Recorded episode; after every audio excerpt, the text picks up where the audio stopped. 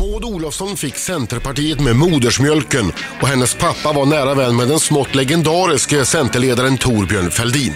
Maud själv satt hela tio år som partiledare och fem av dem var hon näringsminister. Men 2011 hade hon fått nog och lämnar över ordet till nästa kvinna på täppan. Nu berättar Maud sanningen om åren i maktens korridorer i nya boken Jag är den jag är. Den har hon skrivit för att hon tycker att också kvinnor ska berätta sin historia. Och hon skriver bland annat om Göran Perssons översittarknep och vad som egentligen låg bakom vissa beslut. Till exempel att rösta för FRA-lagen och svängningen i kärnkraftsfrågan. Kommer ni ihåg att alliansen först kallades Högforsalliansen? Det var för att det första mötet med de fyra borgerliga partiledarna hölls hemma hos Maud i den pyttelilla byn Högfors i Västerbotten 2004. Det badades i badtunna och resultatet blev valseger 2006. Men nu Maud, är du inte folkvald längre. Så du kan säga precis vad du vill. Gjort vet jag. Maud Olofsson med boken Jag är den jag är. Ska vi börja där med den där Högforsalliansen? Badades det verkligen i tunnan någonting? Nej, men du gjorde ju aldrig det. Nej, det, det, jag vill är minnas det, när jag läst som, boken. det är det mest kända bad som aldrig har ägt rum. Ja. Men alla har sett bilden därför att det pratades så himla mycket om det. Men jag tror att det var så här att mina kollegor, de ville inte visa sig i badbyxor. Var de Och själv, lite... själv är jag ju så modig så jag visar mig gärna i baddräkt. Men det, det är spännande det där när man läser boken, just den där grejen eh, i din stuga. Det kändes ju när det hände som att det var en PR-byrå som låg bakom alltihopa och allt, eh, och allt, men så var det inte. Nej, men det var verkligen inte det, utan jag hade ju sagt åt mina eh, tre partiledarkollegor då att eh, kom hem till mig så kan vi prata om hur vi ska få ett maktskifte. Och hem till dig, det är, Det i är skogen. Högfors, ja det är sju invånare som bor där. Så det är en liten och, och mysig by. Eh, och då sa jag så här, ja men om ni kommer till mig, då är det ju lugn och ro där. Och så behöver vi liksom inte störas av massa. Eh, men sen ringde Fredrik där i början av augusti och sa att, ja men jag ska hålla ett sommartal, kan jag berätta att vi ska upp till dig? Och jag hade faktiskt inte tänkt att de skulle sova hos mig, men sen så när media började och jaga och fråga och allt möjligt, då, då insåg jag att ja, men det här är ju större intresse för än vad jag har fattat i alla fall. Ja. Eh, och då är man eh, ju smart nog att göra något av det. Så då sa jag till min man då att, vet du Rolf, jag, att jag har kommit på att de förväntar sig att sova här hos oss. Och då sa han, då flyttar jag. Eh, Men jag hade städat farmors hus och så tänkte jag, där finns tre rum, de får sova två och två, partiledare och partisekreterare. Det här är ju vanliga människor, de kan bo. Ja, Men de har väl med vanliga, sig vanliga. livvakter och sånt där? Ja, men det behövde ju inte jag sörja för. Det fick ju de ordna bäst de ville. Men jag, jag skulle ju sörja för partiledarna. Eh, och jag tror att det var det som var grejen. Att det där var inte någon PR-byrå, utan det var Nej. sunt bondförnuft. Och jag gjorde samma sak med dem som jag gör med alla andra gäster som kommer till mig. Skrämde dem när, när det blev mörkt. Nej, men just det här, det var det så badtunnebadet kom upp. Vad ska ni göra? Tänkte jag, vad ska vi göra? För någonting? ja, ja, men eh, vi kan ju bada badtunna. Men du hade ingen badtunna? Nej, men jag visste att eh, det gick att låna en som var på hjul och sådär, så att det tänkte jag väl gick. Men, ja, och så fick de plantera lite träd, några tallar som nu är en dryg meter lång. Eh, och sen fick de äta Västerbottensmat naturligtvis. Ja, förstås. Så jag, jag gjorde liksom bara det här vanliga. Och jag tror att det skilde sig från det som man var van att se. Man var på Harpsund, man var på flotta hotell och så plötsligt så var vi hemma hos mig. Ja, det är klart. Det och blev, det var grejen det blev tror jag. starkt. Ja, det blev det. Utan att dra några slutsatser om det, det är valår och allting, men är det någon av partiledarnas träd som växer sämre? Jag kan berätta att Göran Hägglund är helt oanfrätt. Han är den enda, vi andra vi har fått både råttbett och, och älgskador och allt möjligt. Men Göran Hägglund han står där rak som en fura och växer så det knakar. Då skriver jag KD ja. här på en lapp. Ja, han, eh, sen eh, Fredrik han har blivit eh, älgpåverkad, men han har kommit igen. Alltså trädet som Fredrik Nej, planterade. nej, nej, nej, har vi kommer klippa ut det här. Reinfeldt. Nej, men nu pratar vi ju träden. jag vet det. Ni, ni måste ju Jag bara med lite tydlig. tycker jag. Ja, de gillar ju skotten. Ja, Ja. de gillar skotten och så står de och gnuggar sådär eh, Just. mot träden också. Så att, det är lite bökigt, men nu tror jag jag har fått upp dem till en höjd som gör att de kommer klara sig. Så det här blir ett turist, en turistattraktion i Högfors helt det kommer enkelt. komma folk och titta på de här Ja, men träden. förstå, så kan jag gå där och berätta. Nej, du ska sitta i tunnan i bikini Ja, inte längre. och berätta historier för hur det var i riksdagen. Och ta betalt. 20 Kom för det här! Kom för det här! Jo, förstår det var jag, Jan Björklund. Nej, det var inte Jan Björklund, det var Lars Leijonborg. Ja, det var det på den tiden. Ja, precis. Men när du du sitter och berättar historier kan det vara Ja. du och Jan Björklund. Ja. Och det känns som att han är en vrång, vrång kille, va? Vi spar det, vi spar det lite. Men vi, vi ja, ska vi Ja, spara vi, det? vi spar det. Vi tar, vi tar Jens plats och pratar om den vrånge Jan Björklund alldeles strax. Maud Olofsson är i studion. Yes. Hon har skrivit en bok, Jag är den jag är, och det är du verkligen. Ja, Ja. jag tror det. Ja, det är du. Och, jag, och jag står upp nu. Så det, det, det ser ni alla här Du är i, i beredd? studion. Ja, precis. Är, är det blir journalistik nu? Ja, det är journalistik. journalistik. Och Sist jag och Maud träffades, det var, vi var med i ett, eh, i ett samma tv-program på SVT. Det var Babben tror jag. Eh, och, eh, och jag fick skit för att, eh, för att jag satt först där som gäst då, och sen kom du in och du var vice statsminister och jag satt ner på stolen och hälsade Nej. på dig. Jag ställde mig inte upp. Nej, men, Jag hade åh. ingen hyfs i kroppen. Ja, jag minns det så tydligt. Gör du det? Ja. Nej, det det- ja, var ja, ingen- Folk var besvikna och jag, Hur jag fick du veta det? Alltså, såg du redan så här Ja, på folk, folks skickade, blickar? folk skickade mejl och sånt. Jaha, och sa det att man, man ställer sig upp när vice statsministern kommer in. Jaha. Och jag ångrar det och nu står jag upp och visar respekt och Ja, vördnad. det tycker jag är bra. Ja, ja, men det, ja, man kan kompensera senare, det år går bra. Bra. Absolut. Eh, men då minns jag också att du, du hade Säpo med dig, livvakter, Ja. som jag sneglade på och tyckte de var ganska häftiga. Mm. Eh, men du har inte Säpo-skydd idag. Nej. Eh, Så jag undrar lite grann, hur, hur kändes det eh, när, eh, när du blev av med Säpo-skyddet? Var, var, var du rädd då eller liksom, hur, hur tänker man då? Jo, men det, det är en jättestor omställning att bli av med Säpo. Eh, Det var en omställning att, att få livvakter och det var en omställning att bli av med det. Och det som är svårigheten med det här när man har haft livvaktsskydd och när man har varit utsatt är ju att när man avgår så det är ju väldigt många människor som inte alls har fattat att man har slutat. Nej. Så att man är ju fortfarande kändis och det är jag ju idag också. Eh, och jag har ju sett rätt mycket utav avigsidorna av att vara kändis och att vara liksom i den här position där folk kan ha åsikter om en. Så att det är klart att mitt liv har förändrats väldigt, väldigt mycket. Och jag har lärt mig under de här åren att eh, ja, men jag är inte på vissa ställen och eh, jag är försiktig och Vad jag är du ser inte på för ställen? Ja, det vill jag inte berätta. Nej. Nej, okej. Eh, Men, alltså just du, det här att när jag, du har jag med tänker det mig för Ja. eh, väldigt mycket var jag är någonstans. Och, jag tittar på folk och så här. Och det är inte så himla roligt att man måste göra så, men så har mitt liv blivit.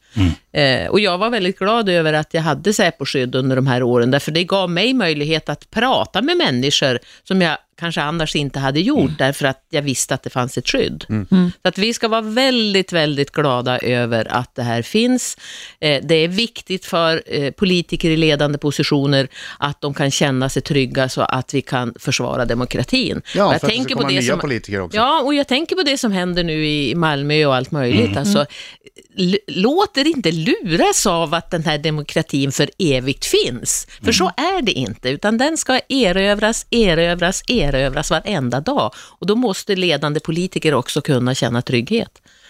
Maud Olofsson, vi ska fortsätta prata med dig om boken. Den jag är. Vi ska också prata om det jag, mm, jag misstänker att det är en frisyr. Eh, det händer någonting på Centerpartiet. Det är en frisyrprotest Jaha. i, i det lilla. Ah, ja, jag ska berätta mer alldeles strax. Klockan är halv nio. Maud Olofsson är i studion. Vi ger henne en applåd. Ja! Woo! Hon har skrivit en fantastiskt spännande bok, Jag är den jag är, där man får en, eh, en fantastisk inblick också bakom kulisserna på saker som har hänt. Eh, Bara de sista tio åren här är det väldigt mycket som har hänt som man får läsa om. I vart fall din syn på det.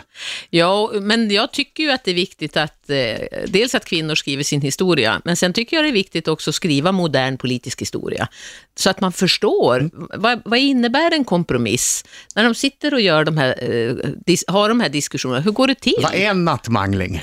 Ja, nej, nu har det varit flera, men vi, vi satte faktiskt i system att vi skulle prata på dagarna och inte på nätterna. För det, vi tyckte inte att det är så himla häftigt det här att man sitter på nätterna och är dötrött och kommer ut glåmig.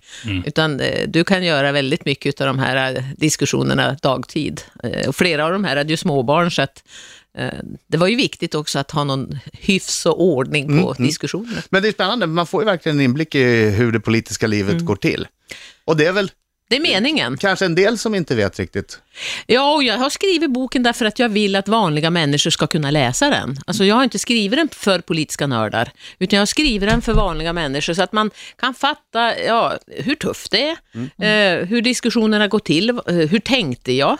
Eh, man vad, kompromissar. vad var jag orolig för? Eh, vilka risker såg jag? Det, det kan jag ju berätta nu eh, och jag tycker att det, det är roligt att få göra det.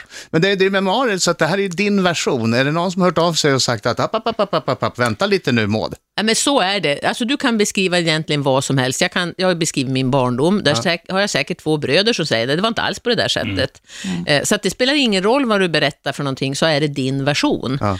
Eh, och jag hoppas ju att mina före detta kollegor också skriver sin version när de har slutat och, och eh, liksom ska skriva sina memoarer. Därför att vi behöver få reda på som allmänhet, tycker jag, hur, hur är det i det politiska livet och hur tänker ni och hur, hur resonerar Ja, ni? det vä- väldigt lärorikt och spännande. Ja, jag hoppas det. Du, eh, förekommer det en eh, tyst protest mot Annie Lööf på Centerpartiets i partistyrelsen?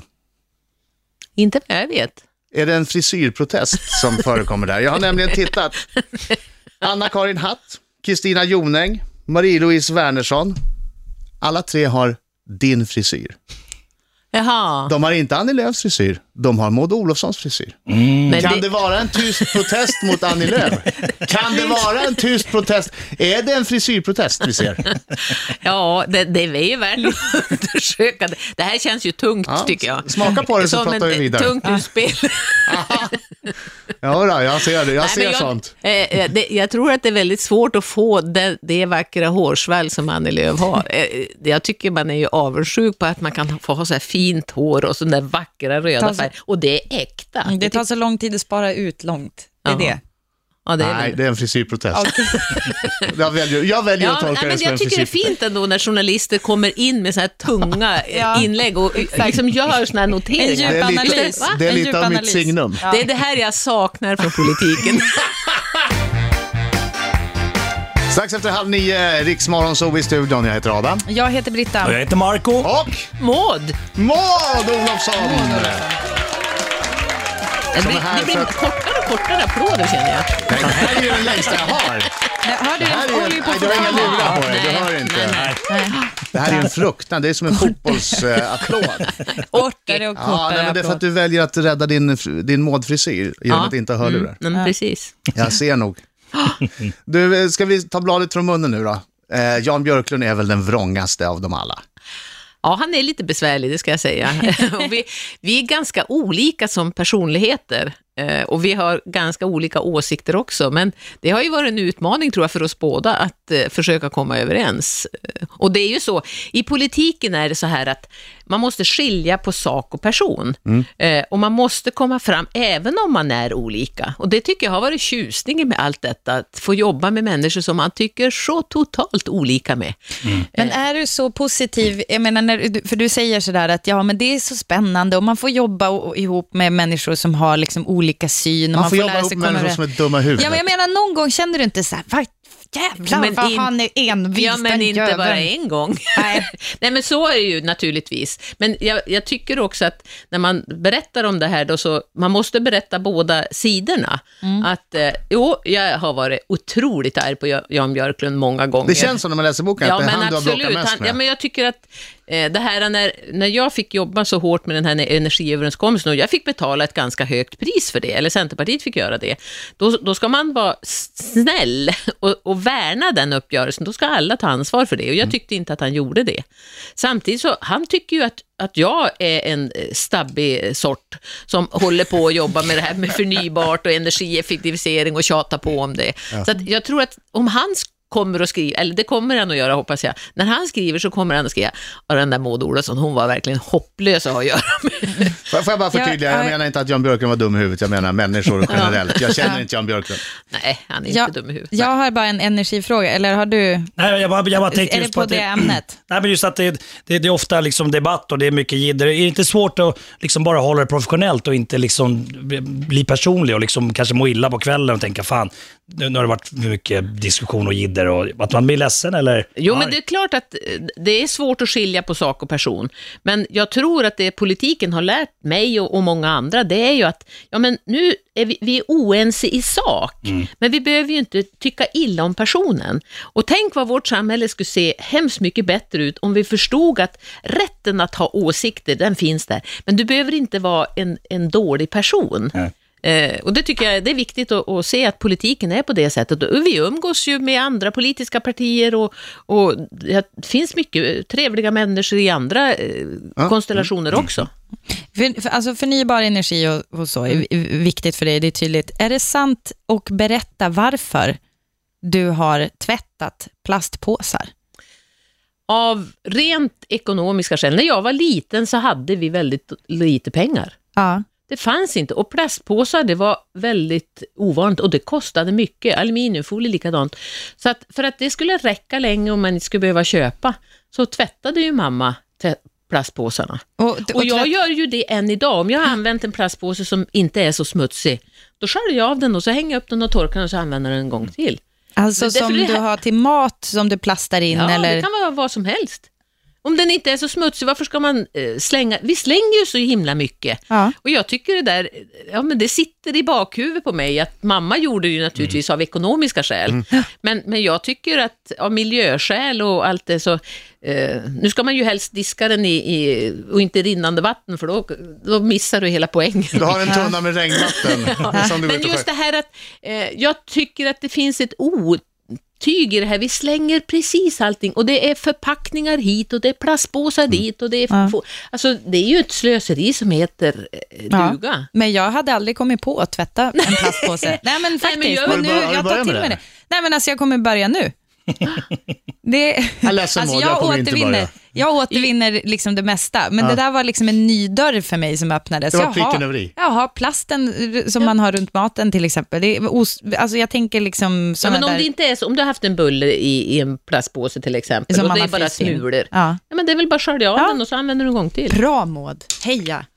Så, jag, jag kanske kan bli sån här miljörådgivare. Ja. Enkla tips och knep. Kanon. Ja. Kör på med det Mer Maud Olofsson alldeles strax. Bland annat skicka vidare fråga från Benjamin Wahlgren. Maud Olofsson i studion i Riksmorgon så och någonting som har följt dig som också följer eh, genomgående i boken är din förmåga att alltid sjunga. ja, precis. Mm, just det. Att alltid sjunga, det ska vara allsång och det ska vara sånger och det ska vara små raptexter till och med. Ja, men, men det, alltså livet är ju trevligt eh, och sång gör ju människor glad. Eh, Och jag gillar att sjunga själv, jag går och sjunger hemma och jag skruvar på surroundanläggningen och, och sjunger för mig själv där hemma. Men jag tycker också det är väldigt roligt att sjunga med andra. Jo, jo, men det är många som tycker att det är roligt att sjunga, men som kanske inte skulle i ett möte mellan en massa tunga eh, liksom partiledare, en ganska liksom, tungt politisk situation, går in och börjar med en allsång. Nej, det är väldigt ovanligt. Ja. När, när jag skulle ha allsång med mina ministerkollegor under ordförandeskapet i EU, då var det väldigt många som rynkade på näsan. Men jag tycker också det här att ja, men allting är så himla trist och tråkigt och det finns sådana former för saker och ting. Men det här är ju människor och jag ville ju att de skulle diskutera viktiga saker med varandra, så därför körde vi lite allsång. Och jag ska säga, var det något de kom ihåg från ordförandeskapet så var det ju allsången. Vad sjöng ni? Vi drar till Ja. Ja, ni sjöng ju en låt Nej, men fel vi hade, tid va? Vi hade ju Vår så, på hösten. så ska det låta hade vi ju eh, som en tävling i Åre mellan energiministrarna och miljöministrarna. Alltså, Eh, och så spelar man, och då var det ABBA-låtar, för det, Ja. det tänkte vi, det kan de. Ja. just det. Eh, Så Conny Hedegaard och alla de här, de stod där och sjöng och våra, medarbetarna deras, de kom ner och tittade på oss som vi var ufon. Vad i all världen håller de på med? Men det blev väldigt lyckat. Man måste våga lite. Har, och- har det aldrig hänt att det har blivit fel? Då? Jo, men det är klart att det har hänt det. Nu men, sjunger vi! Ja, men, jo, men, ja, men jag ska säga, första gången jag kom till näringsdepartementet Ja. och hade eh, en presentation och så sa och så slutade vi med en liten allsång och jag hade inte tänkt igenom det där. Då satt ju alla så här, oh, eh, vad har de fått för tjej? en minister som står där och sjunger. Ja. Men sen så eh, körde jag det där hela tiden och eh, till slut stod Du de gav upp. dig- du gav jag inte. gav mig inte, utan till slut stod de upp och sjöng Imse Vimse Spindel med rörelser och allt. Alltså, vet. Och när jag slutade, vilket ju var det finaste betyg jag kunde ha fått, då hade de författat en sång Mm. som de sjöng för mig och då, Den texten finns med i då grinade jag. Ja, jag Ja, det nästan lite... Men, men just det här att man kan ju i en organisation som kanske var lite rädd och lite osäker, skapa en himla känsla. Mm, Eh, och vi hade så fantastiskt trevligt ihop, så att, eh, och jag tror sången spelade roll. Skicka vidare frågan från Benjamin Wahlgren. Just det. Vi vet ju inte vad det här är, utan Nähä. vi bara läser Är det en fråga till mig? Har du Ja. koll på Benjamin Wahlgren? Nej. Han är med i Let's Dance nu. Jaha, är det han Pernillas? Ja, Yes, det är exakt. Pernilla. Ja, men ni hör, det är jag hänger ju med. fantastisk, Det är. Pernillas det. Men pajken. Han var här igår, 16 år gammal. Ja. Oerhört imponerad är. Ja. Jag tyckte han var eh, rolig, kvick, snabb, eh, en självdistans Mm. och, eh, som man inte ser. Och sagt, ah, han var jättebra. Okej, här är hans fråga till dig. Hej Maud, Hej, Benjamin. vart klipper du dig någonstans?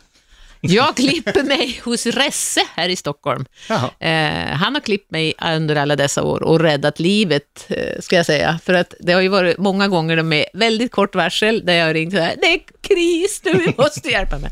Kom en gång, han, och så hjälper han mig. Nej, det är kanon. Och så klipper han frisyr som jag inte behöver hålla på med hela tiden. Perfekt. Här har ni boken eh, Jag är den jag är av Maud Olofsson. Eh, Mycket spännande möten, eh, bland annat möten med Medvedev i baksidan på en baksätet på en limousin, inte baksidan. Oj. Ja, en baksätet. jättelimousin. Där satt vi, han och jag, Medvedev, och, och åkte från Arlanda in till Grand Hotel. Och mycket, mycket andra spännande grejer kan man läsa i boken. Tack så hemskt mycket för att du kom hit Maud. Tack så mycket själv. Kommer upp till dig och bada tunna snart. Ja, men absolut. Ni är väl, nu har jag en tunna. Har du det? Äntligen! Tack så mycket, det här är. FM.